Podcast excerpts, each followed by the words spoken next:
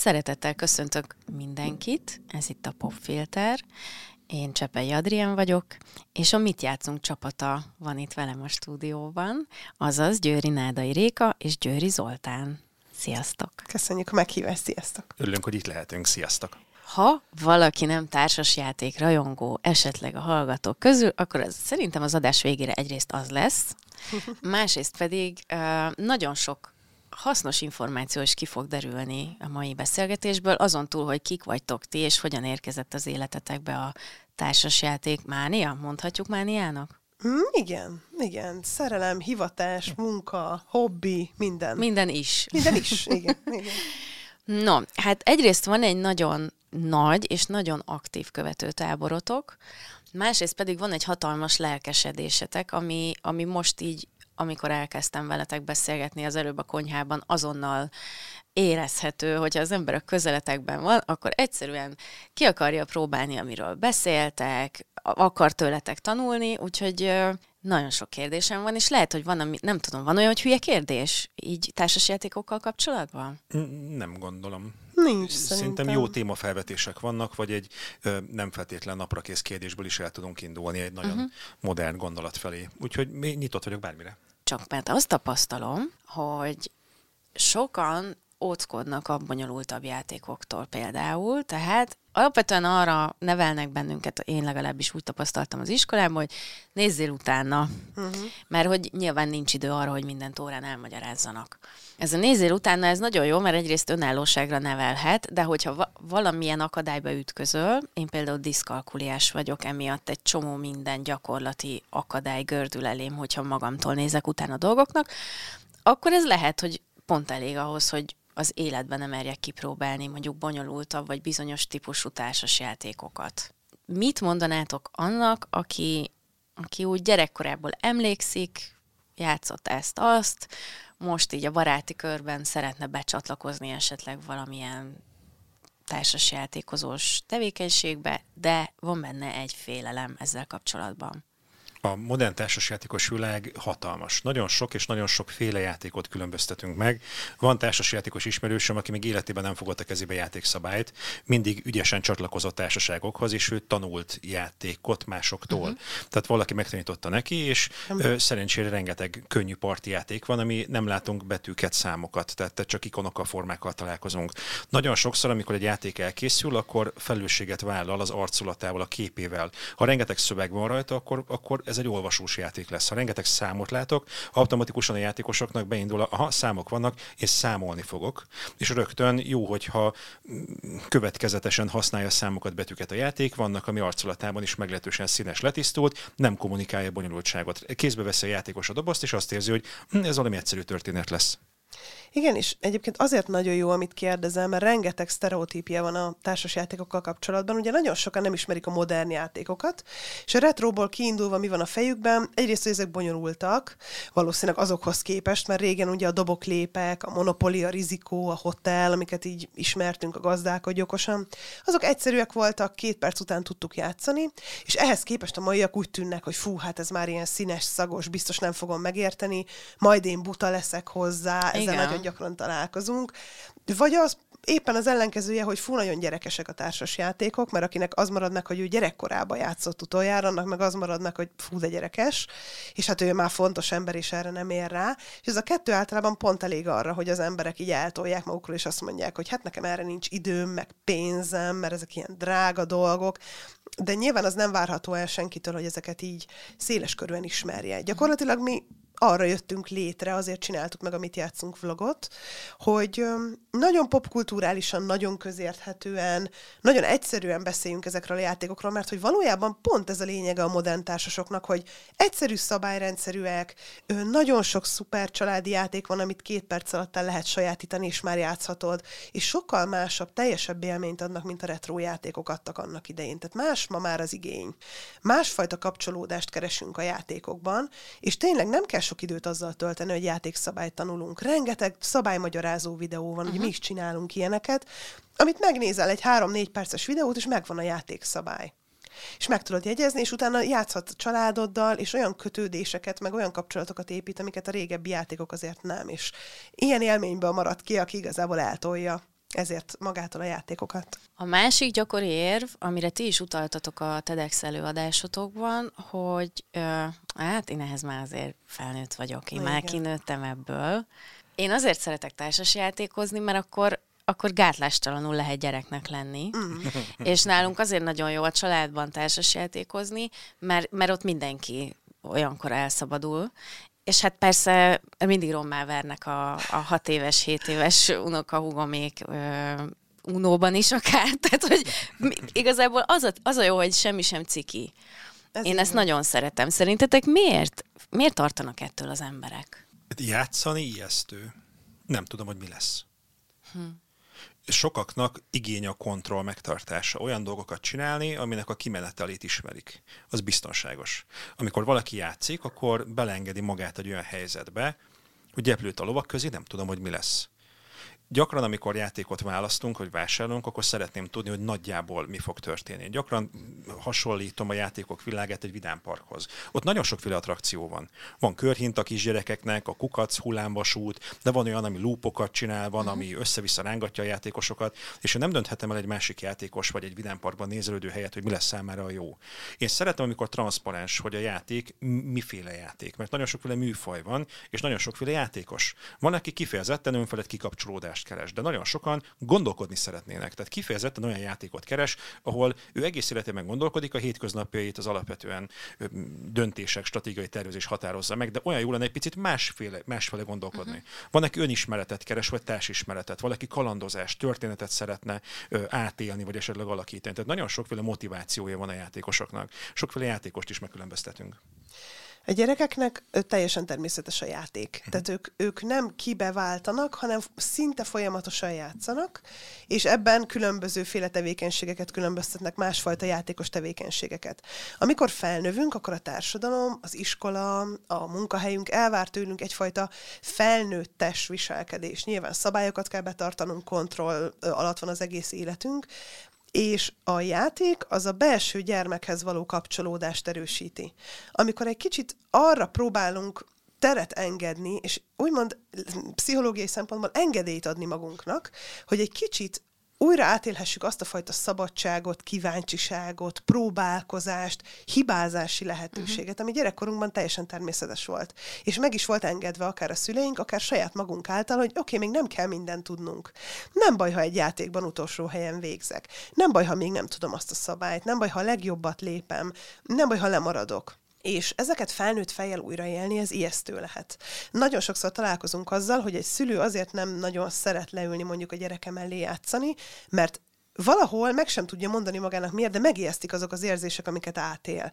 Mert ha belegondolunk, azért játszani nagyon lelki dolog. Átélni egy vereséget, azt, hogy kiesel, hogy nem kell lesz, hogy a többiek leelőznek. Szóval ezek olyan, de akár még a győzelem is. Ezek olyan fogalmak, meg olyan érzések, amikkel sok felnőtt nem dolgozik, és ezért ezek a játékok ezeket is felhozzák bennünk, miközben egyáltalán nem gyerekes szórakozásról van szó.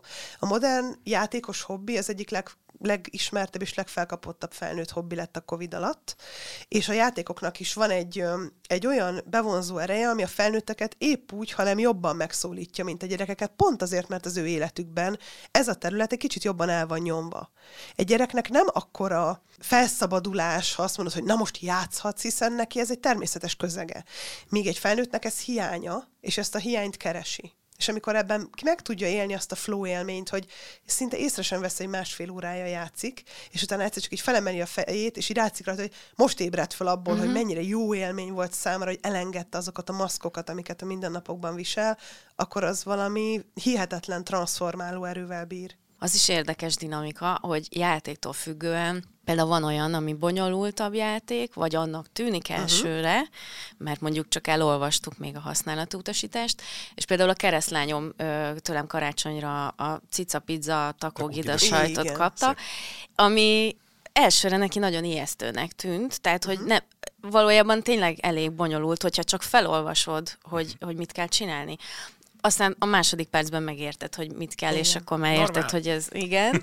és ö, ő elsőre elutasította ezt, azt mondta, hogy ő nem szeretne ezzel játszani, uh-huh.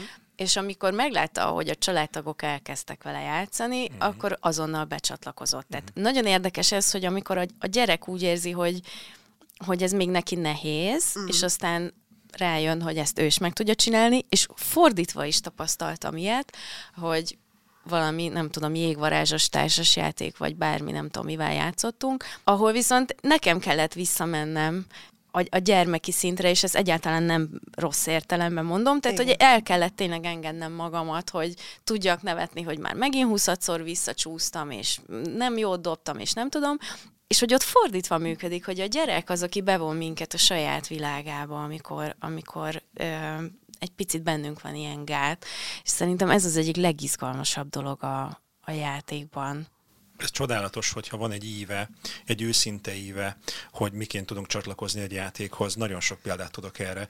Nagyon szeretem Rékának a nagypapáját, aki úgy játszik, hogy nézi. Tehát számára az, hogy társasjátékozik a család, és ő úgy vesz részt, hogy, hogy, hogy elemzi a többieknek a lépését, a, foglalkozik a játékkal, de, de ne, neki az úgy elég. Szerintem a munkánknak, meg alapvetően a hobbinak, a játszásnak a lényege az erőszakmentesség. Igen. Nem, olyan nincs, hogy játszani kell mert onnantól kezdve kell, már nem már játszom. nem játék. Onnantól kezdve már nem játszom. Szerintem mm. nagyon szép, amikor van, van ennek egy éve, amikor éppen játszottunk, és volt egy szülőpáros, aki ő nem játszik. Ö, ö, ö, majd gyerek, a gyerek, üljél be, Pistike, majd gyerek, gyerek megőrzésre tartották ott az Jaj. alkalmat, leültették a két gyerkőcöt, akik szívesen csatlakoztak, és önfelett nagyon vidám hangulat kerekedett. Azt hiszem, hogy dobléztunk talán. Igen, Tehát igen. nagyon könnyen játszható játékkal játszottunk, és úgy közeledtek. Úgy nem mentek olyan nagyon messze, csak leültek egy csak padon. A büfé, büfében, aztán a padon, aztán a pokróc szélén, és a következő partiba ő, ő, ő csatlakoztak, és a végén már a gyerekek mentek volna el, de a szülők még egy kör, még egy kör, még, még, még egy kör. Nagyon szépen megfordult Igen. ez. De jó. Ez egyébként most, amit mondtok, abból így az, az körvonalazódik a fejemben, hogy bizonyos helyzetekre, akár családi, nem tudom, diszfunkciókra, konkrétan lehet használni játékokat, hogy ezeket feloldjuk. Ezt jól sejtem? Szerintem a, valamit elérni a játékkal, az, az gyakran kontraproduktív. Amikor játszom, akkor, akkor játszom. Uh-huh. A játék jutalma önmagában van. Szerintem az okos játékválasztás nagyon fontos. Uh-huh. Vannak olyan társasjátékok, amik alkalmatlanok egy karácsonyi ebédhez. Például? Nekem a kinevet a végén, az egy, az egy kifejezetten kártékony. Az egy ilyen gonosz játék, játék nem? Az. Hát mi a játékosnak az élménye? Induljunk a játékos szemszögéből. Jön anyám, és kiüt. Igen. Bizony.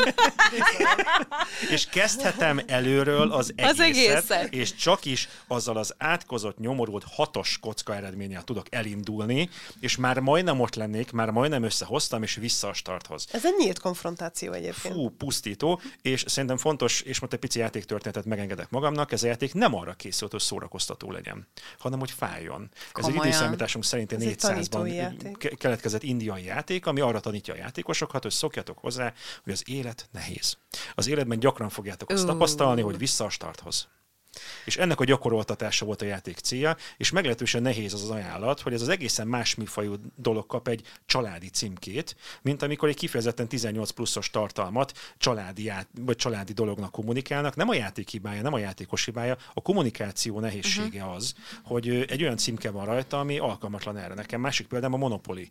Az a cím, hogy Monopol. Monopol helyzet. A többiek kiszorítására törekszünk. Ez nagyon nem családi felütés, hogy a többieket ki akarom pusztítani a játékból. Tehát szerintem egy, egy, egy, egy kooperatív felütés uh-huh. az, hogy hozunk közösen létre egy eredményt, az kipárnázza a játékosoknak az élményt, az lesz az élményem, hogy a szüleimmel, barátaimmal, a rokonaimmal, a testvéremmel együtt, közösen hozunk létre valamit. Uh-huh. Tehát szerintem az okos és tudatos játékválasztás kulcs ahhoz, hogy azt a bizonyos vágyott állapotot, hogy én szeretném közelebb érezni magamhoz a szüleimet, vagy szeretném önismeretet gyakorolni, vagy szeretnék jól érezni magam, csak úgy simán szórakozni a többiekkel, az okos és körültekintő játékválasztás nagyon fontos. Egyébként, tehát ez nem lehetetlen, sőt, én, én egyébként nagyon hiszek benne, és ezt foglalkozunk is ezzel, hogy a játékok rengeteg területen fejlesztenek, meg oldanak bennünk dolgokat, csak nem ennyire direkten. Tehát, hogy nem úgy választunk például, nagyon sokszor kapunk olyan levelet, hogy um, van egy ilyen fajta konfliktusom a párommal, milyen játékokat játszunk, hogy ez oldódjon. Szerintem ez nem így működik. Uh-huh. Hanem ilyenkor azt szoktuk mondani, hogy jó, játszatok ezzel meg azzal, és nézzétek meg, hogy milyen érzéseket éltek át közben, és lehet, hogy egy teljesen váratlan játék fogja ezt oldani, mert tehát mi nem vagyunk pszichológusok. Nem tudjuk annak a gyökerét, hogy ez honnan ered, tehát nincsen rá ilyen gyógymód, hogy erre ezt a játékot kell játszani, azt meg úgy, mint a gyógyszereknél, hanem egyszerűen azt tapasztaljuk, hogy maga a játék tevékenysége uh-huh. old fel az emberekben olyan érzéseket, és mondjuk Mondok egy példát. Sokaknál már az, hogy a játékban a másikra kell figyelnie, és egyáltalán egy ilyen nyílt figyelemmel, egy nyílt fókusszal van a többiek felé, ez annyira old benne dolgokat, hogy elkezd beszélgetni játék közben olyan témákról, amikről egyébként nem. nem. És lehet, hogy nem egy beszélgetős játékról beszélünk kifejezetten, tehát nem egy kommunikációs játékról, hanem mondjuk egy stratégiai, de támad benne egy igény, hogy meséljen arról, hogy ő most milyen tervet épít éppen, és ezzel párhuzamban észre sem veszi, de elkezd megnyílni és elmesélni dolgokat. Hmm. És ezek olyan ö, furcsa dolgok, mert azt hinnénk, hogy jó, ezt előidézi maga a játék, nem biztos. Mindenkinek másfajta folyamatok indítanak el ilyen megnyílásokat a játékban én szeretek visszamenni az alapokhoz, amely most nekünk segítve van, mert van egy négy éves kisfiunk, az ő működését, az ő elképesztő őszinte, József Attilai őszinteségét figyelni, hogy én még őszinte ember voltam, ordítottam, toporzék voltam. ő, ő nagyon, nagyon intuitív módon működik. Jó tesztalany. Például ilyenek, hogy ha belegondolunk, minden társas játék, tehát amit egy másik emberrel együtt játszom, alapvetően kooperatív. Egy egyezményen alapul, hogy mindannyian betartjuk a játékszabályokat. A játéknak lesz egy eleje, illetve egy vége. Felnőttekkel találkozom, a sok felnőttnek diszkomfortos, hogy ő nem mehet el. Hogy ez még tart. Uh-huh. Hogy ő nem léphet ki akkor, amikor szeretne ebből a bizonyos alkalomból, ebből a ritusból, vagy aktusból, vagy valamiből, ami most éppen a társasjátékozás maga, és úgy izeg, mozog, nyomogatja a telefonját, amik nekem már hatásértések a játék egysége szempontjából, amikor már ő azt érzi, hogy hát én ezt eluntam, igazából kiléptem abból a bizonyos közös játék alkalomból, amikor neki, neki áll valaki mobilozni. Nagyon gyakran előfordul, és bizonyos szempontból ezek az alapok nem feltétlen vannak meg. Uh-huh. Szerintem ez transzparensé tehető, és én kifejezetten annak a híve vagyok, hogy legyünk őszinték. Igen, de ha belegondolsz, egyébként a játékkultúrát nem is tanítják sehol. Nem. Tehát nem tanuljuk az általános iskolában, hogy hogy kéne viselkedni egy játékasztalnál, hogy fogadd el, ha te most vesztettél. Uh-huh. Sokszor kapunk olyan kérdést, hogy jó, de az, azon hogy lehet fejleszteni, hogy én nem szeretek veszíteni? Hát ki szeret? Hát de ki szeret? Hát nyilván az egy rossz érzés, amit meg kell tanulni kezelni valahogy. Uh-huh. Nyilván, de ezt nem tanítja senki, hanem a saját hát kárunkon vagy tapasztalatunkon kell megtanulni. Tehát ez se egy gyerekkorban, se felnőtt korban nem egyszerű, de egy közös játékon például tök jól tudunk tanulni egymástól. Ez olyan érdekes, hogy nagyon sok szülő legnagyobb jó szándéka mellett csinál nem kifejezetten szerencsés mozdulatokat játékalkalom közben. Nekem vesző paripáma, hagyjuk nyerni a bukit, hagyjuk nyerni a gyereket. Tehát ez nem szabad. Ö, nem, szerintem nagyon szerencsés, mert rövid távon, nem igen, ez picit, picit olyan, mint a filmet adni a gyereknek, hogy rövid távon lekapcsolom a, a problémát ezzel, de Aha. hosszú távon kontraproduktív az egész, mert egyrészt a gyerkőc szerintem nem hülye, érzi, hogy neki hazudnak. Uh-huh. Tehát tulajdonképpen ő, ő be van csapva ebben a helyzetben, nagyon nem fair. Rengeteg módszer van, az előnyadás, a helyes játékválasztás, a kommunikáció, hogy, hogy a kisfiammal azt érzem, hogy amikor ő nagyon elszomorodik, játszunk mást, mert pont ez az előnye, ami gyakran hátránya, ijesztő lehet, hogy jó, mennyi játék van, mennyi játék van, rengeteg közül tudunk választani. Tehát szerintem a, a hagyjuk nyerni a kisgyereket egy nagyon szerencsétlen és mindenképpen újra gondolást kérő motivum. Nehéz, mert hierarchiát feltételez, hogy én előny, tehát hogy én hagyom őt nyerni, magyarul nem hiszem el, hogy ő képes arra, hogy nyerjen, meg se adom igazából az esélyt, Igen. hogy esetleg partnerként kezeljem, és lehet, hogy magától is nyerne. Vagy lehet, hogy nem, de akkor ott vagyok neki, hogy ezt feldolgozzuk együtt, vagy így megbeszéljük, és nyilván ez nem ennyire fekete-fehér, tehát hogyha egyszer-egyszer előfordul, akkor nem rontottuk el a gyermekünk életét, semmi ilyesmi. De egyébként ez Egyszerűen egy... csak erre jó odafigyelni. Ez egy ilyen nagyon fontos tapasztalás, a másik irányba is. Nekünk van egy szállóiga a családban, amikor igaz nem társasjáték, hanem Super Mario-ztunk a, az unokaöcsémmel egymás Úgy ellen, szerettem. és ő ilyen őszinte ráébredéssel és boldogsággal a hangjában egyszer így ilyen nevetve mondta, hogy Adien, te egy nulla vagy. és, és igaza volt. Kontextusból kiragadva ez. Úgyhogy ezt azóta is emlegetjük, de hogy ez is milyen szép, hogy a gyerek arra is rájöhet, hogy, hogy de a szülő is, vagy a, a nagynéni, nagybácsi, a felnőtt is ö, veszíthet, és lehet ügyetlenem nála. És hibázhat, és nem egy Isten, és ö, a másik, hogy komolyan vesz engem. Én, én máig emlékszem arra, hogy én apukámmal nagyon sokat sakkoztam, engem ő tanított meg sakkozni, és ő nagyon jól játszott. És mindig megvert. Tehát nem volt az, hogy hagyott engem nyerni, hát sakban mondjuk, tehát hogy nem is olyan, nem is olyan könnyű, de nem, nem hagyott nyerni, és én e, határozottan emlékszem máig 32 évesen arra napra, amikor egyszer legyőztem. Aha. És nem akkor sem hagyott nyerni. Mert annak jelentősége volt. És jelentősége volt, és, és el is ismerte, és azt mondta, hogy most jobb voltál. És nekem az egy akkora önbizalomlöketet adott, hogy én azért megdolgoztam.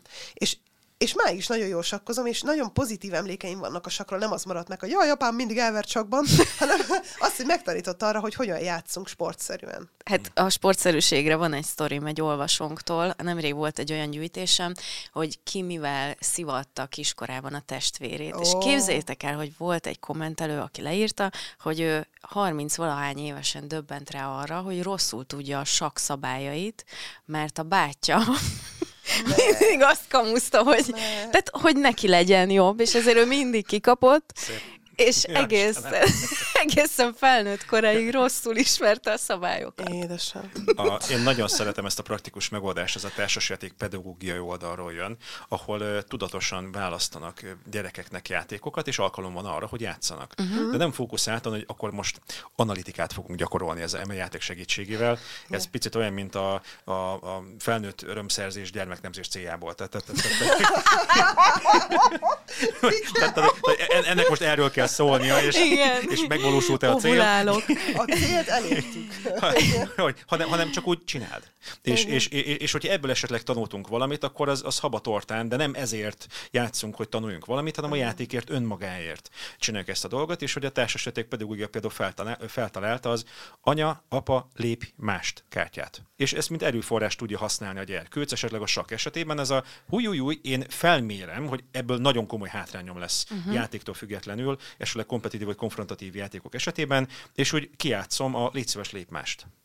Wow. Újra kell gondolnom, és ez alapján ez nyílt helyzet, mert teljes erőbedobással játszom, és, a, és, a, és az ellenfelem, vagy a, vagy a játékos társam, aki esetemben a szerettem, vagy, vagy az, akit, akit én nagyon szeretek, és ez egy csodálatos közös alkalom, azt érzi, hogy ő, ő, ő teljes valójában ott van. És esetleg, hogyha nyert, akkor fel, felteszem neki a kérdést, hogy eddig három lépmáskártyával dolgoztunk, próbáljuk meg kettővel. Uh-huh. Ez egy nagyon ősi motivum például a kínai Go című játék használja ezt, hogy van a Go nagymester, és ő kőelőnyt ad az ellenfelének. És hogy mester, én készen állok 30 kőelőnyre a, a, a, veled szemben, és hogy, hogy maradjon csak 35.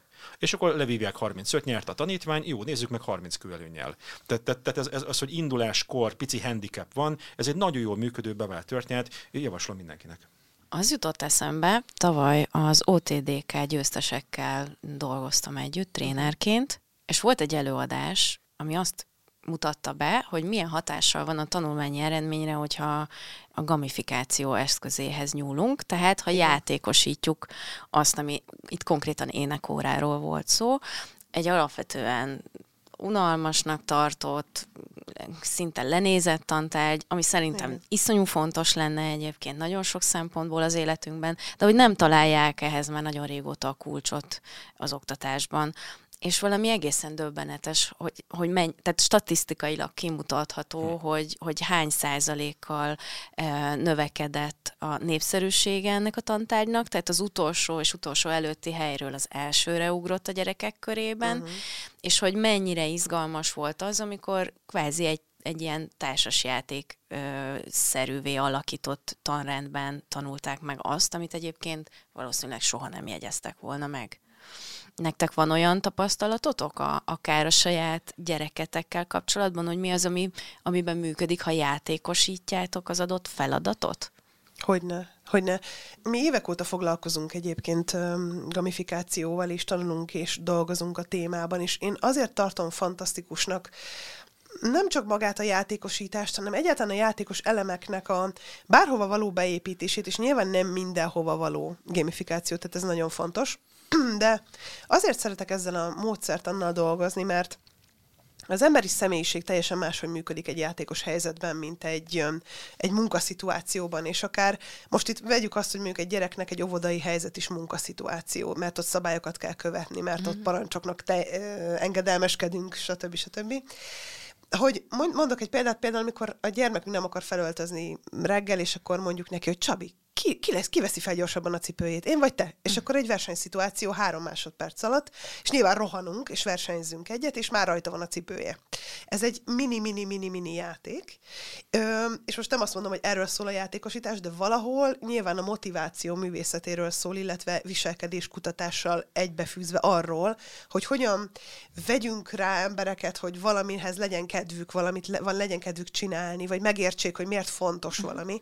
És sokszor a gyereknevelés gyereknevelésben az a nehéz szerintem, hogy nem tudsz mindig liberális lenni. Nem tudsz mindig azt, nem tudod mindig azt mondani, hogy jó kisfiam, majd te eldöntöd, vagy amikor úgy érzed, akkor, akkor elindulunk, mert ez nyilván a reális élettel összeegyeztethetetlen minden esetben, főleg amikor mondjuk a biztonságával vagy az egészségével kapcsolatban kell döntéseket hozni, de mégis tudsz azért játékosabb ö, megoldásokat kitalálni erre, és ez nem csak a gyereknevelésben van így, hanem akár az üzleti környezetben. Mi ugye gyakran tartunk üzleti tréningeket, olyan fejlesztő vagy szervezetfejlesztő folyamatokat, amikben alkalmazunk játékos elemeket, uh-huh. és azt látom, hogy ez felnőtteknél tökéletesen ugyanúgy működik, mint gyerekeknél, csak egy kicsit máshonnan kell megközelíteni. Tehát a játéknak nagy ereje van. A gamifikáció szerintem arról szól, hogy érjünk el embereknél valamely tevékenységet. Hogy szeretnénk, hogy valamit aktívabban, jobban, vagy éppen, hogy kevésbé csináljon valamit.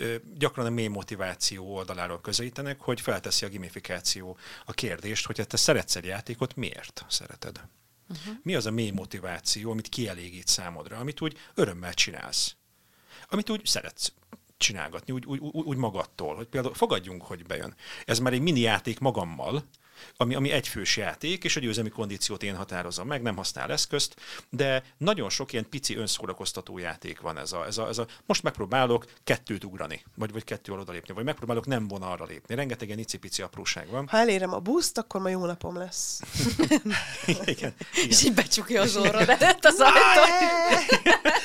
hogy, hogy, hogy, hogy, szerintem a játék, és most egy erős mondatot mondok, a játék az emberiséggel egyidős. Tehát a, a, amióta van ember, van játék, ennek a mikéntje vagy az eszköze változhat. És a gamifikáció ezt tudatosítja, hogy, hogy van egy vágyott állapot, egy vágyott helyzet, amit szeretnénk elérni. Hogy tudjuk ö, afelé mozdítani játékos eszközökkel, hogy ez a bizonyos állapot létrejöjjön. Mondjuk egy például egy szervezeti példát, hogy azt szeretnénk, hogy az alkalmazottak vagy a munkatársak visszajelezzenek nekünk, hogy hogy érezték magukat a, a tréningen, a Igen. valahol, és valamilyen program segítségével szeretnénk motiválni őket a visszajelzésre. Nagyon sok helyen ez kifejezetten probléma, és nagyon sokan keresnek ezzel kapcsolatban praktikákat. Uh-huh. De nekem például a hétköznapi gamifikációhoz hozzá tartozik, az iCat You Choose mechanizmus, amikor testvérek esetében hogy osztozzunk meg.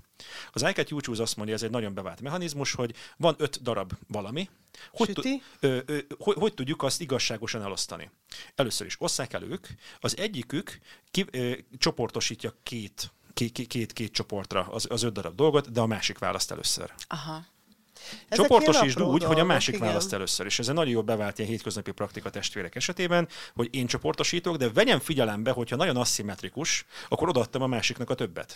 Tehát próbáljuk meg szerintem igazságosan, de a másik választ először. Ez egy nagyon könnyen működtethető, alapvetően gamifikáción, de játékos mechanizmussal dolgozó alap. És hát nem csak arról van itt szó, hogy most lenyomjunk másoknak a torkájátékkal valamit, amit egyébként nem akarnának csinálni, hanem pont, hogy valamit, amit egyébként szeretnének mhm. csinálni, uh-huh. csak nem, nem nagyon értik, hogy az miért jó, azt élményszerűbben adjuk át. És itt szerintem az élmény szó az nagyon fontos, mert azokat a játékokat, amiket nem élvezünk játék közben, azt abba hagyjuk, és nem akarjuk többet játszani. Én például nem szeretek focizni, nekem rossz emlékeim vannak vele kapcsolatban, nem volt élményszerű számomra. Ettől nem lett rossz a foci, egyszerűen számomra nem az a játék, ami eléri mondjuk a, a sportnak a flóját nálam, hanem mondjuk az úszás, vagy a biciklizés.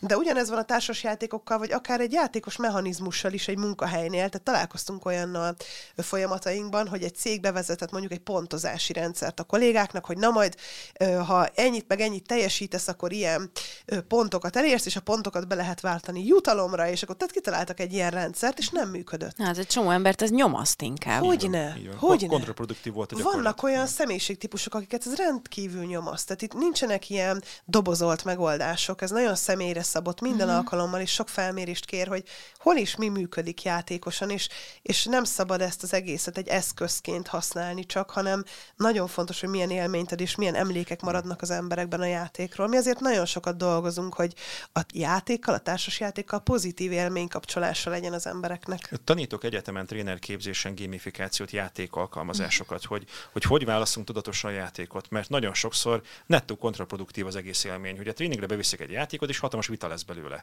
Vagy esetleg egy, egy osztályfőnök szeretne játszani valamely játékot az, az osztályával egy, egy, egy óra, tanóra keretén belül, és olyan asztaldobálásba torkollik. És, és, és érdemes végig gondolni, hogy uh-huh, a legnagyobb jó szándékod mellett nagyon ellenkező hatás kutatást értél el. Hogy szerintem a, a tudatos és okos játékválasztás nagyon fontos, és nekünk kifejezett célunk Rékával, hogy az legyen oktatott, vagy legyen ennek fóruma, szakmája Magyarországon, hogy ilyenkor nem a játék a rossz, nem a játékos a rossz, hanem mint a monopoli esetében az a kommunikáció, vagy hogy nem a megfelelő helyre volt használva. Picit, mint hogy van egy kanalam. Ezzel tudok kertetásni is, de nem arra van. Hát igen. Nem arra, hogy le- levest tegyek vele, vagy hogy megkavarjam a Egyébként teámat. ugyanez van akkor is, amikor, mit tudom én, valaki a családjának akar venni egy társast karácsonyra, Pontosan, vagy egy pontosan. gyereknapra, és ott áll egy hatalmas polc előtt, bemegy egy játékboltba, és azt látja, hogy van négyezer játék a polcon, és most mi alapján fog választani, hát nem tudom, nézegeti egy darabig, aztán ami beugrik neki egy tévéreklámból, vagy ami még így gyerekkorából ismerős, azt fogja megvenni, mert semmit nem tud róla.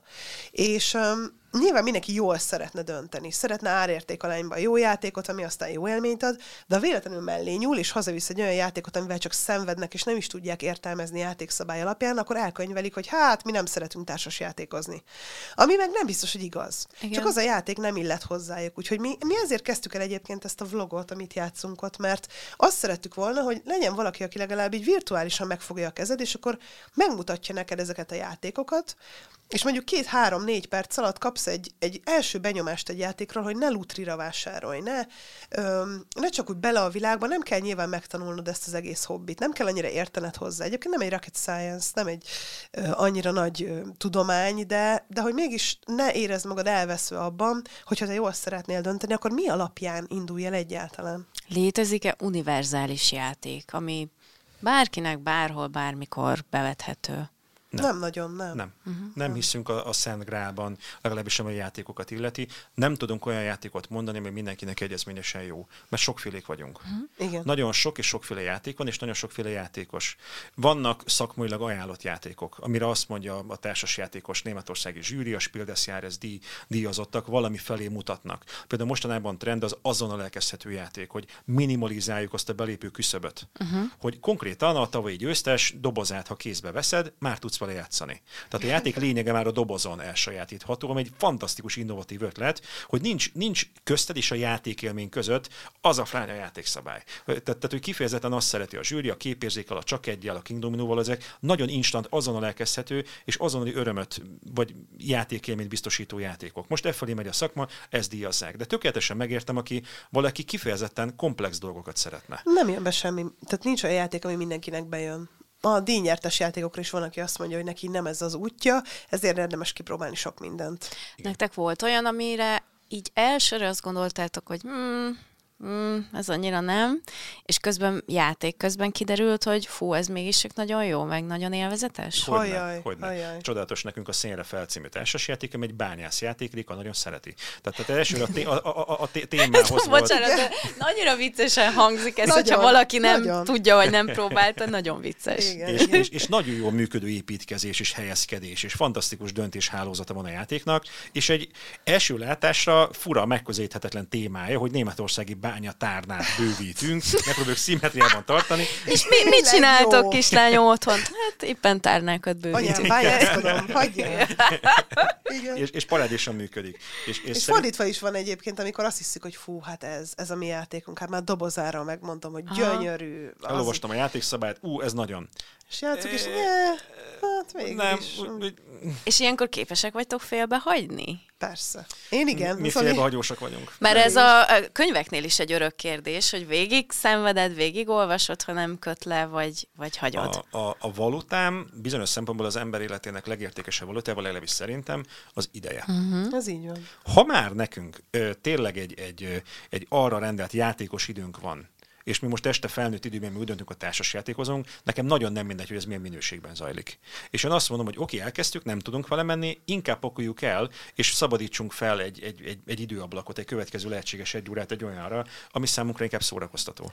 Mi filmet is félbehagyósak vagyunk, Igen. sőt, én moziból kijövős Bizony. vagyok. Komolyan? Tehát i- i- Igen, nem, nem, nem tudok vele menni, elengedett a film, az időm fontosabb annál, mint hogy tudja mi a vége, mert végsősorban nem érdekel. Mondjuk azért ebben különbség van, hogy éppen tesztelünk egy játékot más, igen. munkából, valahol, és akkor nyilván annak több esélyt adunk, illetve más csapattal, más hangulatban, más napszakban ülünk neki, mert lehet, hogy csak nekünk volt rossz kedvünk, nem tudom, nem jött be a, az adott napszakban az a játék, de tehát annak más, annak több esélyt adunk, de amikor saját örömünkre valamivel csak úgy leülünk játszani, és nem jön be, akkor lehet, hogy évek telnek el, mire újra leülök hozzá, uh-huh. mert így nem, nem vagyok motivált. Annyira sok játék van, tényleg. Sőt, sőt hiszünk Hát abban, mo- hogy... ti mondtátok, hogy 3500 játék jelenik meg évente? Igen. Két, Igen, igen. 2021-ben Vagy már, több mint 4000, Azt Igen. ami, ami, ami, ami brutális szám. Tehát egy, egy több száz beszélünk. magyar, magyar tervezésű, ma, bocsánat, magyarul megjelenő játék is. Uh-huh. Tehát ö, nagyon sok játék még jelenik meg magyarul, és világszerte is több ezer.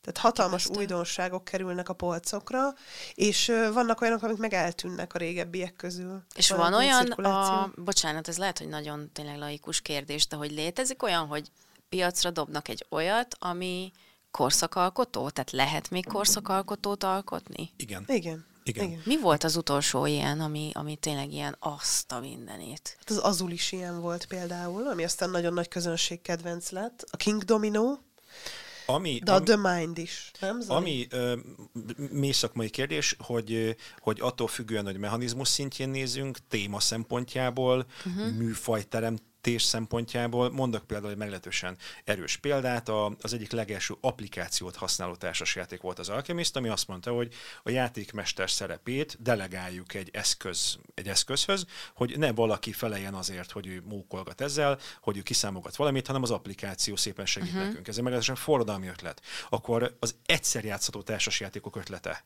Az egy meglehetősen forradalmi mechanizmus, hogy, hogy ezt a játékot mi végigjátszottuk, tudjuk a poénokat, végigcsináltuk a kampányt, és mi már többet már nem, nem tudunk ezzel játszani, picit, mint a kiutó szoba esetében. Már, már ismerjük a poénokat. Akkor elképesztő gyártás technológiai ötlet volt a, a Keyforge című játék, amikor megveszel egy Keyforge játékot, és az a játék az egyedi, olyan együttállásban csak neked van meg. Wow. Tehát, tehát ez, ez egy nyomda technológiai forradalom volt. Vagy amikor mechanizmus szintjén megjelent a The Mind című játék, amit említettél, a, a szakma azt mondta, hogy hű, ez új, ami picit, mint a gasztronómia esetében, a főzőkultúra esetében, ritkán van új íz, inkább meglévő ízek, eddig nem látott kombinációi együttállással határoz meg egy játékot. Nagyon ritkán találunk fel valami új, eddig nem látott ízvilágot.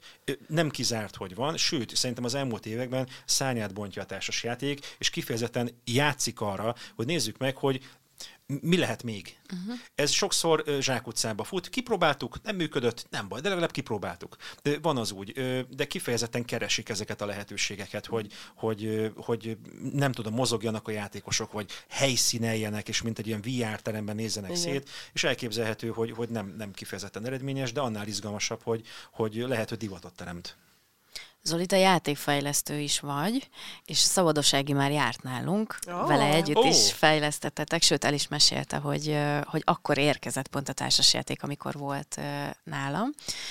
Arra lennék kíváncsi, hogy hogyan hogyan jön az ötlet? Tehát mi az, ami elindíthatja azt a folyamatot, aminek a végén ott van egy kész társasjáték? kétféle utat ismerek most, nagyon sokféle út van, de én alapvetően kétféleképpen foglalkozom. Az egyik, amikor az input belülről jön, tehát van egy gondolatom, vagy amikor kívülről jön. A Szabadosságival az Egyszer volt című játék esetében kívülről jött a gondolat, hogy irodalommal, történetalkotással foglalkozó játék nem nagyon van még, uh-huh. hogy ha ez lehetne, akkor milyen lehetne. Ilyenkor igyekszem elképzelni magam a játékos bőrében, hogy én mit csinálnék szívesen, ugyanis amikor játék készül, akkor helyzetbe hozzuk a játékosokat. Arról döntünk, hogy miről gondolkozzanak a játékosok. Uh-huh. Mit lássanak maguk előtt, betűket, számokat. És nekem például fontos volt, hogy, hogy felcsapott és vicces helyzetekkel találkozzanak, és hogy nagyon segítve legyen ez a történetalkotás. És a végén a játékosok kerüljenek egy olyan helyzetbe, hogy megalkotnak egy történetet. És nagyon sok visszajelzés jött, hogy alapvetően magukat nem kreatívnak beállító emberek nagyon szívesen alkottak a végén történetet, mert segítve volt számukra ennek a történetnek az elkészítése. Mondok egy párhuzamot, nekem nagy ihlető volt a Dixit című játék, Igen, ami rögtön egy, imádom. rögtön egy nagy felütéssel kezd, hogy látsz gyönyörű szép inspirációt teremtő kártyákat, és sok, sok játékos jelezte, hogy nekem nem jut eszembe semmi. Tehát sokszor már a Dixit-re való kép, cím, alkotás is nehézkes, és azt mondtam, hogy jó, a történetalkotás nehezebbnek tűnik, de igazából a, a, az egyszer voltban A vagy B.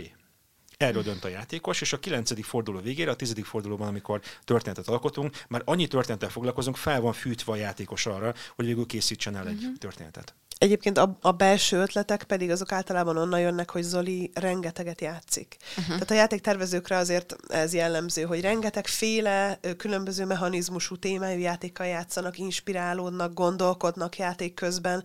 Tehát én csak ámulva nézem, hogy én lefekszem este 10-kor, 11-kor, és Zoli még ül az asztalnál, és valamit vakar egy papíron, és akkor reggelre mondja, hogy terveztem egy játékot, és akkor így megmutatja nekem.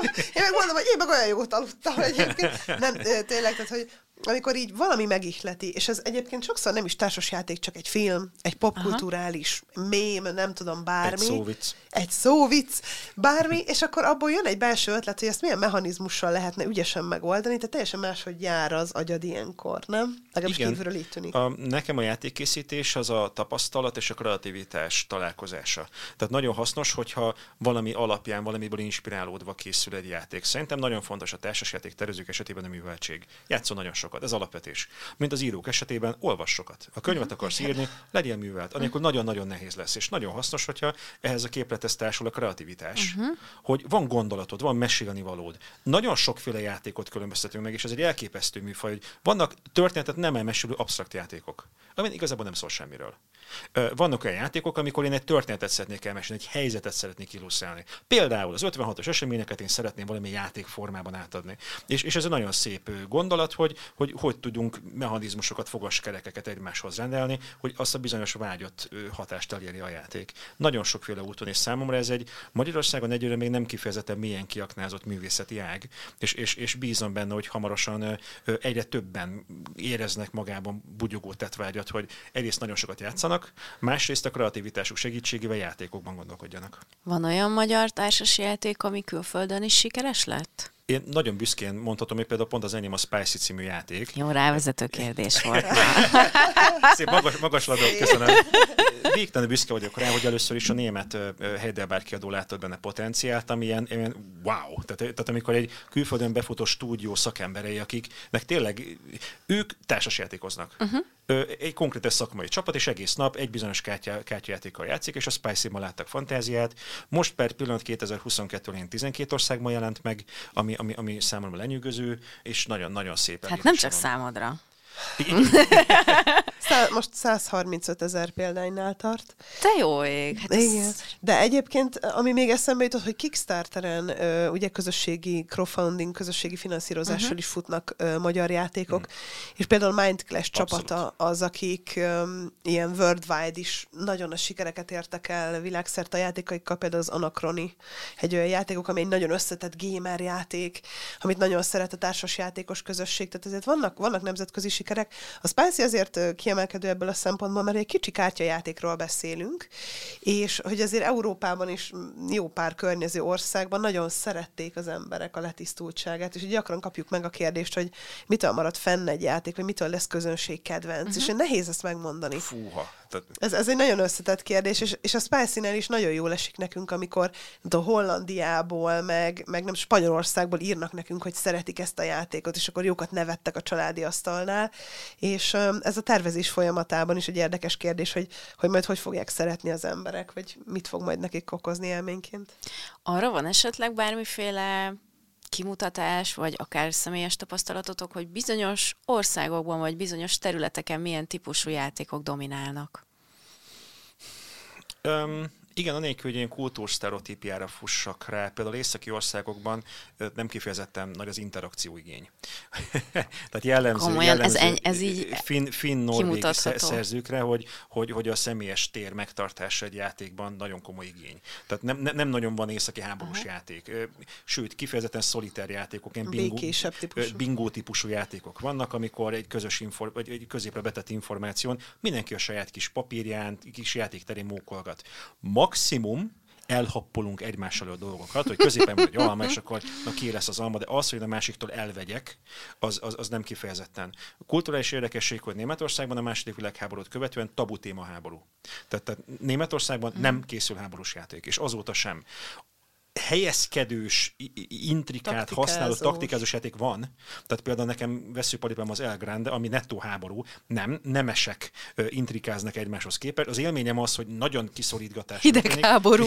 Igen, egyébként. Igen. hogy, hogy van, van, van ilyen icipici helyezkedés, de hogy mint téma, hogy, hogy, hogy játékosok egymás lövik, az, az, az, az nem fordulhat elő. Nagyon sokféle megközelítés van. Szerintem kifejezetten jó mediterrán, barokkos, amikor akkor van kész egy játék, amikor már nem tudunk hozzátenni, hogy sérül lényege, és a játékos érezze azt, hogy ez egy, ez egy dzsungel. Ez egy, ez egy felfedezni váró kontinens ez a játék, és te jóságoség mennyi mindent lehet csinálni, és ez, ez, ez a szerzőknek a szándéka, hogy annyi minden legyen még benne, és még ezt is lehessen meg, és, és hogy a játékos fedezzen fel, hogy mi, mit, mi, mi, mi mivel lehet eredményes. francia játékokra jellemző a gyönyörű kivitelezés, Az, a design, a, hogy ott mindenek előtt a gyönyörű, de sokszor a mechanizmust is alárendelik, és ilyen nagyon egyszerű játék, de olyan gyönyörű, hogy a szemet kiesik. A németeknél meg pont az ellenkezője, hogy egy nagyon letisztult, de nagyon összetett játékot hoznak. És, és érdekes egyébként, hogy vannak olyan események, amik meg világszerte mindenkire ugyanúgy hatnak. Tehát például most, hogy volt a pandémia, ez azért felerősítette azt, hogy bár az emberek el voltak szigetelve, de amikor találkoztak, nagyon nagy igény lett például a kommunikációs játékokra, és jelent meg egy csomó olyan beszélgetős parti játék, ami azt segítette, hogy ha már találkozunk offline, és időt töltünk együtt, akkor hangolódjunk egymásra, mint a hullámhossz, és a, a Mindnak az újabb, az extrém változata is például. Tehát ezek azok, amik, amikben annyira a másikra kell figyelned, és végre együtt vagyunk, együtt töltünk minőségi időt, akkor, akkor koncentráljunk egymásra. Vagy felerősödött a Zoomon játszható társasjáték gondolata. Például. Hogy, hogy elég, ha az egyikünknek megvan, és akkor a többiek hogy tudnak társasjátékozni Zoom segítségével, vagy hogyha mindannyiunknak megvan, akkor lelépegetjük a másik lépését, de sokaknak volt analóg csatlakozási igénye. El vagyunk szigetelve egymástól, és az elmúlt két évben nagyon megugrott a társasjátékos kedv, hogy legyünk egymáshoz közel, tudjak a szemedbe nézni. Vagy esetleg ne a játékkal játszak, hanem a játékon keresztül a másik játékossal. Uh-huh. Még a nagy stratégáknak is, akik ö, ö, analizálnak, és hogy mindenképpen hadjáratot szeretnek játszani, nagyon sok visszajelzést kaptunk, hogy igen, társasjátékozni a másik játékossal, az, az csodálatos. Mert, és nem szeretnék értékítéletet mondani a számítógépes játékokhoz képest, varázslatos cuccok vannak, ott inkább a játékkal játszom. Uh-huh. Elképzelhető, hogy a hálózaton egy, egy, egy japán kollégával együtt ö, mentjük meg a világot, de inkább a játék van fókuszban. Még egy társas játék varázslata abban áll, hogy a másik játékossal játszom. Az élményem az, hogy nagyon hozzá kerülök közelebb. Vele együtt sokkal intimebb, közelebb élményben játszunk a játékkal. Mennyire szükséges ehhez, vagy mennyire fontos, hogy, hogy kézzelfogható legyen, amit játszunk, tehát hogy legyen egy kártya, egy kocka, egy tábla, egy bármi, ami, ami nem a digitális világban létezik. Nem, nem kizáró. Ö, én szeretem a fejbe játszható játékokat, mit nem mondjak barkóba. Tehát az, az is igazából egymás gondolataiban vagyunk, az egy eszköz nem használó társas játék. Társas játék, csak nem kér segítségül valami dobókockát, kártyát, táblát.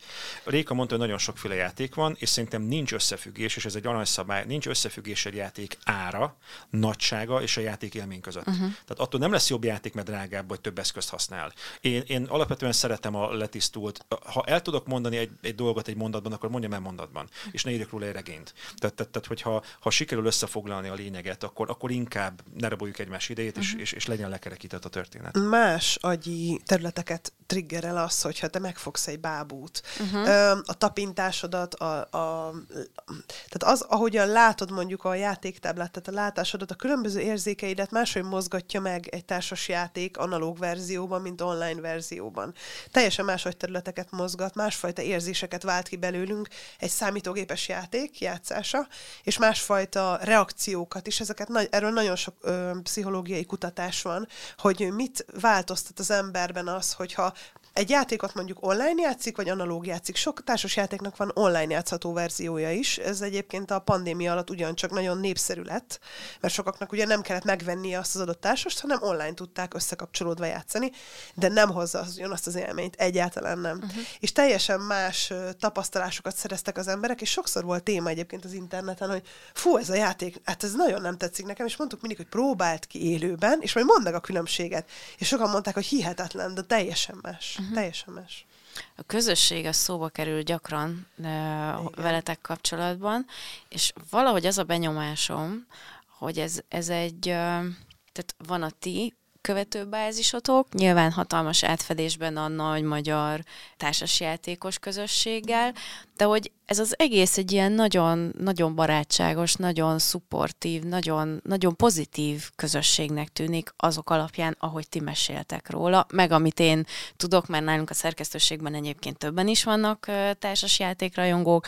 Az egyik legnagyobb rajongótok éppen a szerkesztőnk Dián Dóri, és egy pici betekintést már én is kaptam általa, uh-huh. de hogy alapvetően ez egy nagyon, nagyon jó, pozitív, erős közösségnek tűnik. Ez van bármi összefüggés magával a játékkal, hogy ide milyen emberek jönnek, hogyan viszonyulnak egymáshoz? A, a játék fogalma alapvetően pozitív, szerintem. És ezért hajlamosak az emberek összekötni azzal, hogy jó játszani, csak jó emberek játszanak, és nyilván ez a jó meg rossz fogalma, ez mindig eh, ilyen fura szélsőség, amit annyira nem szeretek. Én nagyon szeretem ezt a közösséget, amit, amit kiépült a vlog körül is, meg egyébként is a Magyar Társasjátékos közösséget. Ami a Mit játszunk csoport, akár a Facebookon, akár a Youtube-on, én azt gondolom, hogy mi ott azért nagyon odafigyelünk arra, hogy nem engedünk be trollokat, nem engedünk be olyan hozzászólásokat, amik bántóak, mert azért uh-huh. a játék egy érzékeny terület. Nagyon sok olyan témát felhoz, ami lélektani terület, amiben akár lehetne is bántani a másikat, vagy uh-huh. kicikizni, hogy te még csak itt tartasz, én meg már nem tudom, milyen gamer vagyok. Nálunk ez azért nem jelenik meg, mert mi nagyon odafigyelünk erre, és maga a közönségnek, ö, ennek a közösségnek a mentálhigiéniéje is nagyon jó. Tehát olyan emberek jönnek valahogy olyan játékos szemlélettel, akik egymást nagyon támogatják. Tehát ez, ez nem csak miattunk van így, hanem egyszerűen olyan emberek találnak ide, uh-huh. akiket ez érdekel, és azt, az, azt a pozitív energiát, azt a segítséget teszik bele a többiek számára, és úgy ajánlanak uh-huh. játékokat. Úgy hívják egymást játékpartiba, amikor eljönnek egy rendezvényre, olyan nyitottan állnak egymáshoz, hogy ezt jó látni, ide jó tartozni. És nagyon sokszor kapjuk ezt a visszajelzést, hogy hogy egy nagyon elfogadó közeg, miközben igazából a játék az mindenkinek az életére igaz. Mm. Tehát, hogy ez lehetne akár sokkal nagyobb abban a tekintetben, hogy igazából minden ember játszik, csak nem tudatosítja a mindennapokban, akár egy pontgyűjtő kártyarendszerrel, vagy bármivel, vagy a telefonján egy applikációval, és amikor rátalál erre a közösségre, és mondjuk belép a csoportunkba, vagy a YouTube-on megnéz egy videót, akkor sokan így ráébrednek, és akkor írnak nekünk, hogy hát, hogy hogy, hogy ezt eddig így nem találtam meg, vagy hol voltatok, és így mindig mondjuk, hogy csak gyere, próbálj ki egy-két játékot, és nagyon itt maradnak az emberek, az a tapasztalatom. Tehát akik a mi videóinkat nézik, azok gyakran hosszú évek óta nézik azt. És tényleg nagyon pozitív, nem, nincs tere az egymás leszólásának vagy lehúzásának, ami egyébként most nagyon nagy divata az interneten, és azért mi ennek semmilyen szinten nem szeretünk alámenni, mi magunk sem csinálunk lehúzó kritikus videókat, mert nem hiszünk ebben, inkább a közösségi támogatásban, meg abban, hogy segítsünk az embereknek a játékokkal ismerkedni, mm-hmm. és ezt szál Istennek a közösség is átveszi, és egy szuper hangulatú dolog. Három évet csináltunk egy kísérletet, egy pikniket szerveztünk a, a Margit szigetre, azzal a felütéssel, hogy nincs játékmester hanem a játékosok, a résztvevők egymás játékmesterei legyenek. Uh-huh. Mindenki hoz játékokat, és lehet társulni más pokrócanuló játékosokhoz, és, és hogy ez is szerveződjön magától. Ez kb. ennyire volt szervezett is. Tehát mondtuk, hogy mi kimegyünk a Margit Jó, szigetre ezen a napon, ott gyertek ki ti is. Hoztunk pár játékot, vigyétek, majd hozzátok vissza, tehát így nagyon lazán, nagyon kötetlenül. és kíváncsi voltam, hogy működőképes-e ez a rendszer, mert alapvetően a játékos embertől feltételeztünk egy nyitottságot, hogy ő játszani szeret. Vannak egyedül játszható társas játékok, igen, van ilyen, hogy, hogy, hogy mint a sudokuban vagy a keresztrejtvényben magammal játszom, de hogy ö, van-e esetleg ennek kifutása, van erre igény és működés, és olyannyira van, hogy minden évben megtartottuk, ez első alkalommal 220 voltunk, aztán 440-en, és lenyűgöző, hogy ott van 440 Igen. játékos ember, akinek igénye akár a többiekkel játszani. És fantasztikus, hogy van azóta már ö, ö, pár ö, e, visszajelzés, hogy, hogy ők ott jöttek össze, hogy, hogy, hogy találkoztak, nem is baráti mert baráti társaságok igen. szerveződtek. Úgyhogy szerintem alapból a játékos emberben van nyitottság, de mivel a réten a virágok nagyon sokfélék vagyunk, van játék játékos, akinek ez nem tetszett, úgyhogy rossz ö, ö, véleményezéssel van, amit igyekszünk moderálni a, a, a csoporton belül, ami szerintem egy nagyon érzékeny terület, én nem szeretek egy játékot rossznak hívni, mert ez egy nagyon interaktív műfaj, nagyon uh-huh. beleteszi magát a játékos, és nehéz szétválasztani, most a játékot minősítem, vagy a másik játékost is. Hát igen. Szendrői Csaba volt nemrég nálunk, az Elefánt Együttes frontembere, és ő olvasóklubot ö, működtet hasonló elven, hogy kimennek szabadba emberek, mindenki hoz valamit, amit ő egyébként is olvas, és nem kell beszélgetni, nem kell semmit csinálni, mindenki egy mondatban elmondja, hogy ő mit Tök olvas. jó.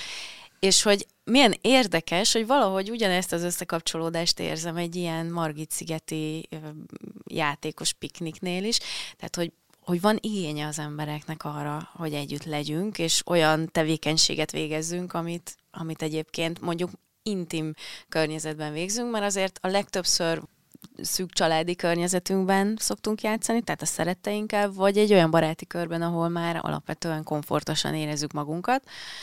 Mm, Ehhez képest azért az egy komfortzónából kimozdulás, hogy vadidegen emberekkel egy, egy ismeretlen környezetben együtt, de ezek szerint mégiscsak van benne egyfajta összekapcsolódás, meg egyfajta otthonosság. Picit, mint egy Hogyne. közönség találkozó, ahol most nem a Beatles rajongói találkoznak, hanem a, a műfaj rajongói, olyan emberek, akik azért mennek oda, mert szeretnek társasjátékozni. Nagyon vicces lenne, hogy azért jöttem ide, hogy ne üljek le senkihez. Én csak egyedül akarok itt most. Jaj, de imádnám, hogy valaki hozzá kis pokrózat, és egyedül játszott a társadalmi, hogy setupon magának, és egy, egyedül De játszik egyébként az a vicc, hogy ezt ott. is megtehetné. De Szerintem egyébként azért szeretnek sokan ö, ehhez a közösséghez tartozni, mert nagyon szabad. Aha. Szóval ha te gamer vagy, ha te harci játékokat szeretsz játszani, ha te csak a pároddal játszol, ha te csak gyerekekkel játszol, akkor is tök oké, mert hogy így nagyon elfogadó a közösség, és nagyon jó fejek. Szeretnek az emberek játszani, én azt tapasztalom egyébként. Még azok is, akik elsőre azt mondják rendezvényeken, hogy fú, én biztos nem ülök be, és aztán mégis valahogy úgy alakul, hogy odaül. Tehát kíváncsiak és nyitottak, és nekünk ez hatalmas felhajtó erő, azt hiszem, a munkánkban. Tehát többek között ezért is szeretjük csinálni a vlogot, mert öm, azt érezzük, hogy nagyon sok sokat adhat annak, aki most ismerkedik a műfajjal, az, hogy megismer új játékokat és élményeket szerez. Régóta meséltél arról, hogy egy sérülés, sportsérülés, vagy nem tudom milyen sérülés Igen. volt, szalagszakadás utáni felépülésedben sokat segített neked a játék. Hát nálunk a, a hugomnak volt egy néhány hónapja egy balesete, és fekvő Ó. gipszben szegénykém nagyon ö, Hát ne, nehéz volt megközelíteni is egyáltalán, hogy kényelmesen tudjon gyógyulni. És aztán az egyik kulcs a társasjáték volt, mert van a, az én láttam meg először, az a címe a társasjátéknak, és a gyerekek imádják játszani, és rájöttünk, hogy a hugom remekül tud játszani a mankójával. Hoppá! Rá tud bökni, hogy én láttam meg először, és persze hát nyilván nem az ideális, de hogy, hogy mennyivel jobb volt, hogy be tudtuk vonni uh-huh. őt Igen. is a játékban, nem azt érezte, hogy mindenki más játszik, ő meg ott szegény ö, az ágyon fekszik. És hát aztán Zoli, te is meséltél arról már nyil- nyilvánosan sokszor, hogy neked egy, egy, egy összeomlás utáni depresszióból való felépülésben nagyon sokat segített a játék. Mi az, ami miatt ennyire sokat tud segíteni egy nehéz helyzetben? Az hatásos játékozunk. A társasjáték az élet szövetéből táplálkozik. Egy pici élet, egy pici valóság a játék keretén belül. Nincs olyan játék, ami az élet egészét lefedi, hanem abból kiragad egy bizonyos részt. Elképzelhető, hogy egy olyan dologra emlékeztet téged, ami, amire jó dolog emlékezni. Elképzelhető, hogy olyanra, ami, amire nagyon fájdalmas emlékezni. Uh-huh. Az életben ugyanúgy jelen van a gazdag gazdagszik, és a nélküled nem tudunk tovább menni. Attól függően, hogy mely, mely, mely hely, helyzetben találkozol az élet bizonyos dolgaival, és a játékokat tudjuk e, e, szerint javasolni, ajánlani, hogy, hogy például egy családi játéknak én kooperativitást ajánlok, uh-huh. hogy nélkül nem tudunk tovább menni. És betenni egy erős gazdasági konfrontáción alapuló játékot egy családi helyzetbe, ami arra fogja emlékeztetni a játékosokat, hogy végigjátszhatjuk, de apa nyert. Ö, ami, ami, ami, ami, ami, ami, tehát játék felénél ö, ezt, ezt a diagnózist, ezt, ezt, ezt kihangosíthatjuk a többiek felé. Nekem nagyon sokat segítettek azok a játékok, és egyre inkább a, a, figyelve önmagamat, olyan játékokat javasoltam magunknak, magamnak, ami, ami az életnek a pozitív, segítő részére emlékeztetett engem. Szerintem, amikor az ember fizikailag vagy mentálisan sérül, és összeomlik az élete, és nekem igazából a szalagszakadásnál, tehát én hat hónapig, alig, tehát én, én gyakorlatilag vagy fekvő, eső, aztán ülőgipszben, majd ilyen nagy mankóval tudtam járni, tehát nagyon mm. nehezen gyógyult a sérülésem, és Zolinak is a depressziós időszaka hát hosszabb ideig tartott. Tehát ezek ilyen hosszú ideig tartó Igen. regenerációk, amikor az ember nagyon el tud szigetelődni.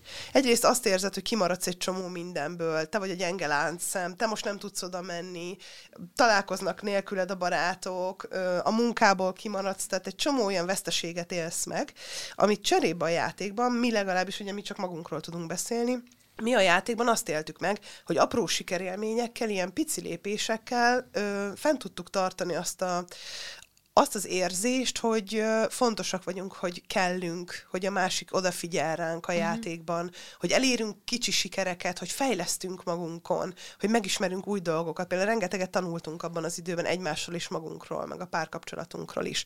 És ezek ilyen kicsit észrevétlenül, de azért valahol tudatosan is ott voltak, hogy vannak olyan napok, és ez nem csak a depresszióban, bár erről te jobban tudnál beszélni, hanem akár egy fizikai regenerációban is ott van, hogy vannak napok, amikor semmihez nincs kedved. És amikor így teljesen feleslegesnek látod azt, hogy ma megint megcsináljam azt a tök nehéz gyógytornát, azt a nagyon nehéz, nagyon fájdalmas gyakorlatot, amit ma is el kell végezni, de holnap is, és még az elkövetkezendő öt hétben is minden nap háromszor. És így nincs hozzá kedvem. Én, ezt, én most itt, itt fogok feküdni, és meg sem mozdulok, és akkor jön valaki, és azt mondja, hogy gyere, játszunk valamit. Aztán majd meglátjuk. Le, nem kell megcsinálnod, most ne azzal foglalkozz, most, hogy gyerek, játszunk mhm. valamit. Mm. És az a, az a sikerélmény, az a motiváció, amit egy-egy játék alkalom adott, az aztán tovább lökött minket a nehézségeken. Meg az jutott eszembe, ugye én is küzdöttem, vagy küzdök depresszióval, már kifelé belőle, de hogy nekem is nagyon sokat segítettek azok az alkalmak, amikor a családommal tudtam ö, kapcsolódni társasjátékozás közben. Valahogy biztos egy csomó családban van ez, hogy így teljesen evidens, hogy egy idő után úgyis társas játékozni fogunk, mert ritkán vagyunk együtt, de ha együtt vagyunk, akkor ne a tévét bámuljuk, ne, ne elszigetelődve egymástól legyünk, hanem akkor tényleg játszunk. És uh, nagyon izgalmas volt nekem azt megtapasztalni. Én korábban nem játszottam ilyen mesélős játékokkal, és nem játszottam olyanokkal, ahol konkrét kérdésekre kell válaszolnia. Nem tudom, hogy ezeknek uh-huh. van-e külön nevük az ilyen típusú játékoknak, de mostanában nagyon sok ilyen mm, volt, és azt tapasztaltam, hogy a, hogy jobban megismered magadat is azáltal, hogy, hogy nyíltan beszélgetsz a családtagjaiddal, barátaiddal ilyen dolgokról, és ez lehet egy elvont mese, amit ti együtt kerekítettek, meg, meg lehet egy tényleg valódi, konkrét kérdés, amikor arra kíváncsiak, hogy nem tudom, mit gondolsz a családról, vagy bármiről. Igen, és annyira jó, amit mondasz, mert ha belegondolunk, hogy amikor az ember rosszul van, akkor nem szereti az olyan kérdéseket, amiket így direkt neki szegeznek, hogy na de hát mi bajod van? Igen. Hát szedd már össze magad. Hát mondd már el, hogy mi bajod van, és segítsünk. Nyilván mindenki segíteni akar, de én, nem ezzel én nem akarok beleszólni. Igen. és, és, és a játékokban meg nincs ilyen. Az nem ennyire direkt. Ott csak elkezdünk játszani, és akkor feljönnek képek, és egyébként meg, hogyha úgy érzed, akkor így mesélj róla az önkéntesség az, az nagyon, nagyon nagy segítsége, ahogy a gamifikációnak, úgy minden játéknak te irányítasz. Uh-huh. Nem kényszerítünk, a, a hogy mesélj. lehetőség. A, a, és a parti játékokban én azt szeretem a legjobban, hogy még egy gazdasági vagy egy stratégiai játékban nagyon kéri a jelenlétedet, míg a, a parti játékban van a lehetőséged egy a játékon belül, akár a játék előrehattával picit közelebb lépni. Kigyen, és azon kapod magad, hogy mint, mint, mint, mint a patak, jön belőlem a gondolat, Igen. és ha, ha, ha de, de jól érzem magam, mert az, az hogy te irányítasz, ö, nyugodtan megengedheted magadnak, hogy egész végig távol maradsz az egésztől. Ez a lehetőség és ez a fajta biztonságos közeg és keret, amit e, e, vagy egy játékszabály, vagy esetleg a többiek szeretete határoz meg, nagyon gyógyító.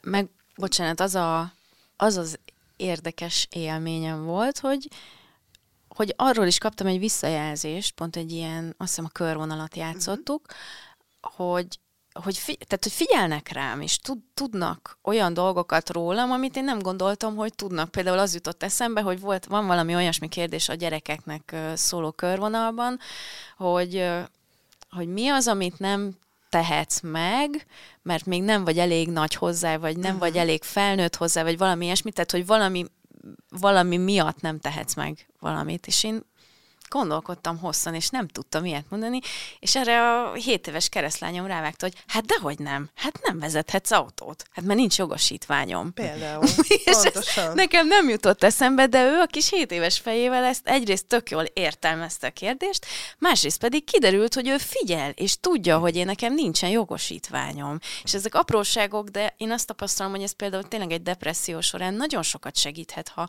azt érzed, hogy basszus, hát számítasz, hát odafigyelnek rá, tudnak rólad. Hogyne, hogyne. Zolinak van a, az Igen és az Igen és című játékai, ami- amik öm, kommunikációs játékok. Felteszünk egy kérdést, uh-huh. amire mindannyian vá- megválaszoljuk, hogy titkosan, hogy mi mit válaszolnánk rá. Uh-huh. Mondjuk, hogy megnyomod a lift gombját többször, amikor várod, és akkor magadra megválaszolod, hogy igen vagy nem, és aztán megpróbálod kitalálni a többiek válaszát. Erről szól a játék, és nagyon sokszor írnak nekünk azzal kapcsolatban, hogy hát ne haragudjatok, de hogy mi nem számoltuk a pontokat, mert hogy így elindult egy beszélgetés, és akkor pedig mondjuk, hogy hála a jó égnek, hát itt ez a lényeg, tehát hogy nem is, nem mindig a, a győzelem, vagy az, hogy, hogy most ki hány pontot gyűjtött, ez annyira sokszor egy másodlagos történet a játékokban. Hát a Dixitben se érdekel, hogy kinek a nyula ér körbe hamarabb. nem, nem, nem azért játszok Dixit. Nyilván, aki kompetitívebb és szeret versengeni, annak fontos lehet, de hogy összességében maga az, hogy elindult egy párbeszéd, tehát nehogy leállítsátok a jó beszélgetést azért, hogy megszámoljátok a pontokat, hát kit érdekel. A lényeg, hogy megnyílt az unokatestvérem, és elmesélte a házasságát, amiről egyébként soha, de valahogy most eszébe jutott, és Igen. Megosztotta. És azért ez egy hatalmas bizalom. Ez egy hatalmas bizalmat feltételez, ami ha kialakul, az egy hatalmas siker egy játékban. És hogy milyen kevés elég igazából, ahogy a körvonalnak, az igennek is. A, alapvetően én, én szívesen beszélgetek valamiről, de van az a pici kis fűszer, hogy egy picit nem tudom, hogy mi- miről lesz szó.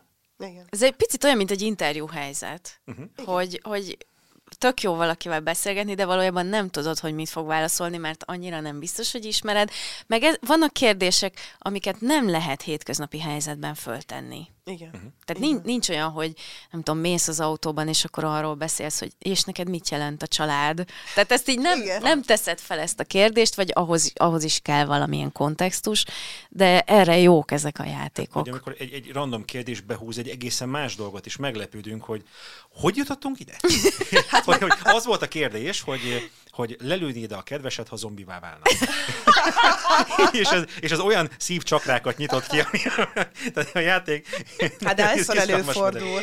hogy mondjuk egy házaspár vagy egy párkapcsolatban élő páros a mindennapi operatív tevékenységekben van, kisgyerekek mellett, munka mellett, csinálják, megbeszélik ezt a dolgokat, de már egyszerűen nem jut erő meg energia arra, hogy olyan dolgokról beszélgessenek, amiről lehet, hogy pár évvel ezelőtt még beszélgettek, mert akkor még új volt, még meg akarták egymást ismerni jobban, és nyilván sok ember életében benne van, hogy nyíltan kommunikál, de sokaknak ez nehézség. Eszébe se jut egy ilyen kérdés vagy, vagy eszébe jut, de valahogy nem meri feltenni, nem jó az alkalom, a másik nem úgy reagál. Tehát a hétköznapokban sokszor kapunk kommunikációs gátakat. És ezekben a játékokban meg pont ez a lényeg, hogy így megnyíljunk, és sok pozitív tapasztalatunk van erről.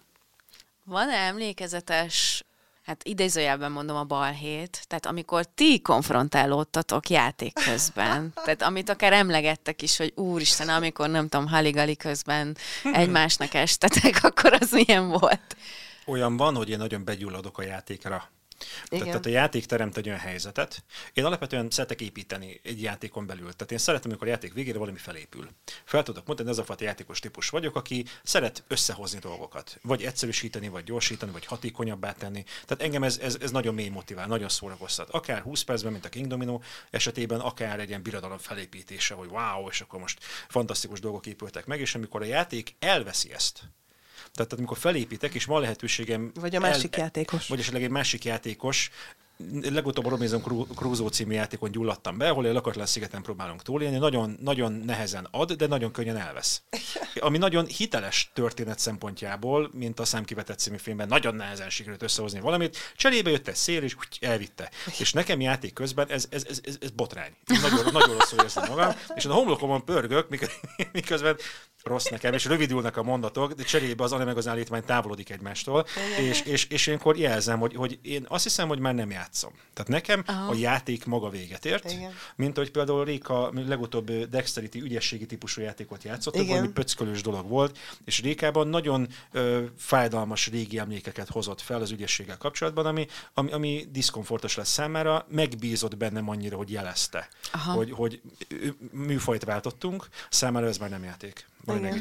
Szóval mi veszekedni nem szoktunk játék nem. közben. Alapból nem vagyunk veszekedős típusok, inkább nagyon sokat beszélgetünk, és akkor, tehát hogyha a másik felcsat, viszont cserébe olaszosak vagyunk, tehát felcsattanni felszoktunk, Aha. de nem egymásra. Hát így értettem az egymásnak esést, ja. hogy valaki rosszul értse esetleg, hogy, Igen. hogy nem, valami...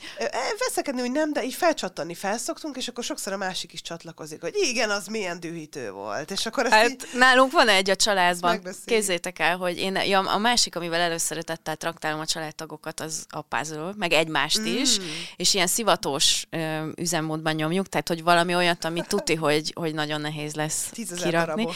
Igen, nekem szup, szuperhősös például, mert tudják, hogy semmennyire nem vagyok képben szuperhősökkel, mm. és mondták, hogy legalább megtanulom, mire kirakom, és ö, most a két ünnep között elkezdtük az egyik uh, Liverpoolos um, puzzle kirakni, és már majdnem a végén voltunk, amikor jött egy családi vacsora, és a sógorom beleborította a majdnem kézezer darabos puzzle hogy majd újra kirakjuk. És a hugommal mi teljesen kikészültünk. Hát ezt meg is értem. És ő mondta, hogy de ő nem érti. Hát az a lényeg, hogy majd újra ki fogjuk rakni. Nem. Milyen tök jó. És mi, mi, mi ettől ki, tehát, hogy mennyire élesen egy ilyen apró mozzanat ki tudja hozni, hogy mennyire mást gondolunk ugyanarról a dologról, mennyire mást élvezünk ugyanabban a játékban, mennyire vagyunk kompetitívek. Hú, ledobom az atombombát, ez csak játék. Nem bírom. Nem, yes, nem, ez nem csak játék. Én ezzel dolgoztam, mert nekem munkám. Ilyenkor ezeknek az ez nagy értékrendszerbeli különbség. Én meg tudtam kérdezni, hogy ha most leadnál, megkérnélek, hogy írj egy szakdolgozatot, mondjuk 120 oldalasat, de papírra kézzel, és utána így széttépném, hogy majd megírod újra, nem? Már egyszer megírtad, megvan a fejedben. Mit éreznél? Hát igen. Mit éreznél? Tehát azért ez szépen leképezhető, hogy a mindennapi dolgokban miket élünk át. Hogy egy játék esetében lehet lehet, hogy nagy jelentőséget tulajdonítok az adott dolgoknak. És amikor Igen. valaki toporzékol egy játék, de figyelj, ez csak játék. Lehet, hogy oh. számodra az, de ő egészen más, hogy éli meg ezt az egészet. Ez csak puzzle, most mit vered magad? Hát most nyugi, hát kirakod újra. Ez nagyon tiszteletlen, és szerintem masszívan határátlépő, és hogyha asszertív a kommunikáció, akkor, akkor, akkor érdekel, hogy a másikban milyen folyamat van. És ilyenkor én nagyon kíváncsi leszek, hogyha valaki begyullad, az nem baj. Mert ebből nagyon sokat tudunk tanulni. Olyan, olyan rossz energia nincs, hasznosítsuk valami konstruktív oldalra, hogy, hogy, hogy akkor ez nagy tanulás, hogy legközelebb akkor ne, ne kerüljünk ilyen helyzetbe, hogy tudjuk megelőzni ezeket a helyzeteket. Tehát ebben nagy tanulás tud lenni, amikor valaki ideges lesz. Hát mi azok lettünk a hugom. Nagyon, nagyon sokat tudtak tanulni. De amúgy igen, és ez egy jó önismeret is, Abszolút. hogy basszus, ez tulajdonképpen azért a puzzle mondjuk önmagában egy ilyen nagyon nyugis időtöltés, de hogy mhm. rájöttünk, hogy ez na, mi, mi, mi versenyzünk, mi azt akarjuk, hogy minél hamarabb kész legyen, és nem tudom, és ö, bosszúból át is mentünk utána édesapámhoz, és kiraktunk egy másikat, vagyis ki, elkezdtünk kirakni egy másikat, mert abban meg belefulladtunk, annyira nehéz volt, de hogy közben meg az, annak is van egy nagyon szép filozófiája, amit a sógorom mond, hogy hát de úgy is az a lényeg, hogy akkor majd újra együtt, nyugiban elkezdjük, tehát hogy nem a végcél a lényeg, hanem az, hogy együtt végezzük ezt a tevékenységet. Ebben is van valami, igen. Más játékos típus. Igen hogy nagyon nagy különbség van az, azon játékosok között, akik szeretnek, és most egy terminus technikus használok, szivatni. Tehát, tehát akinek nagyon, nagy, nagyon, nagyon konkrét igénye az, hogy masszív ráhatással legyen a többi játékos. Általában jellemző őket, hogy valaki szívjon, nem baj, ha én, de valaki szívjon, Igen. és tökéletesen érthető van a játékos, akinek ez, ez tökéletesen diszkomfortos. Tehát, tehát, tehát, tehát hogy, hogy ő, ő, biztos nem szeretne olyan játékkal játszani, ahol nekem hazudnom esetleg szerencsés, vagy, vagy el, az előre jutás tudásomhoz kell az, hogy megtévesszem a többieket. Van olyan játékos, akinek itt kezdődik el a játék hogy, hogy na, gyerekek, eddig, eddig, eddig egy kis tinglingi valami dologgal játszottunk, de most, most, most, És az a, az a vicc ezzel kapcsolatban, hogy szokták kérdezni tőlünk, hogy jó, de aki ilyen játékokat szeret, hát azzal hogy lehet együtt játszani, ez milyen ember? És nyilván ez nem mondja el, hogy ő milyen ember. Az, hogy élvez egy ilyen szituációt, lehet, hogy a való életben a legbirkább, türelmű, uh-huh. legnyugisabb, legkedvesebb ember, aki itt éli ezt ki, ezt Aha. is.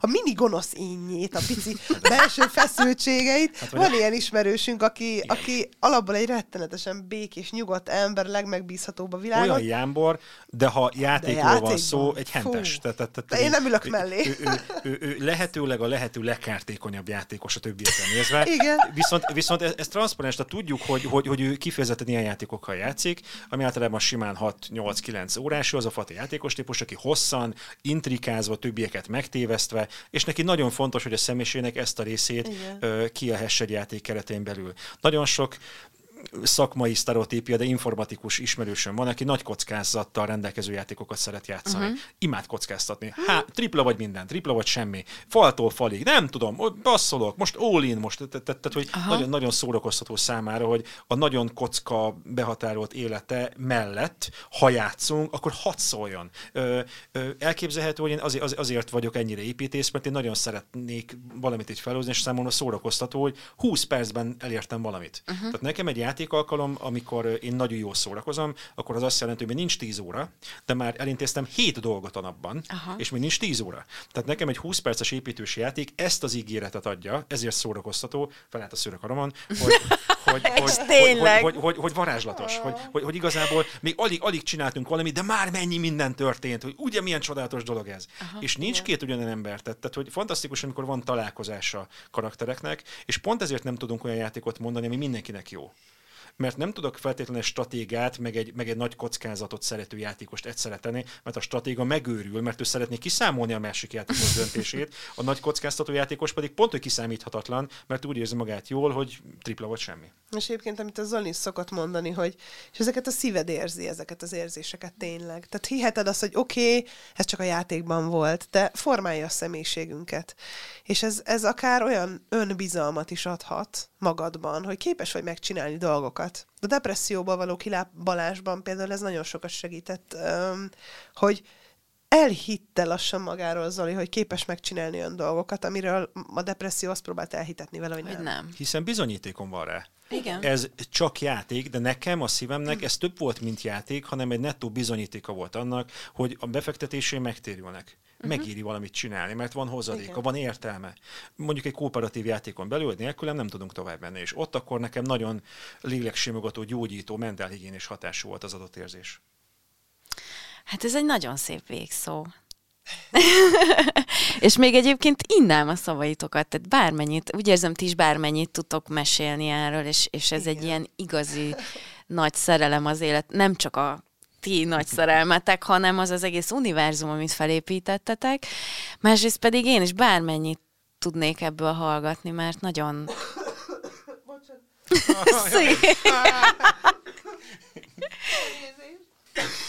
itt, itt, itt majdnem a végérékát elvesztettük. De ezt most benne hagyjuk majd egy kicsit, hogy tudjuk, hogy bármeddig tudnak hallgatni, amennyiben. Na, de szóval köszönöm, ez egy nagy élmény volt, mert uh, úgy érzem, hogy viszonylag sokat szoktam társasozni, de hogy még mindig nagyon keveset tudok erről a, a témakörről, és most egy kicsit jobban belemerültem, és még azt hiszem tudatosabban is fogok ezek után választani. Bár, bár eddig is sikerült egy-két nagyon jót kifognom, ami nagyon eltaláltam, hogy kinek milyen játékot ajándékozzak, de ez nagyon izgalmas, hogy mennyi szempontot most megismertettetek velem. Nagyon szépen köszönjük. Köszönjük szépen a beszélgetést, én is nagyon jól éreztem magam. Köszönjük.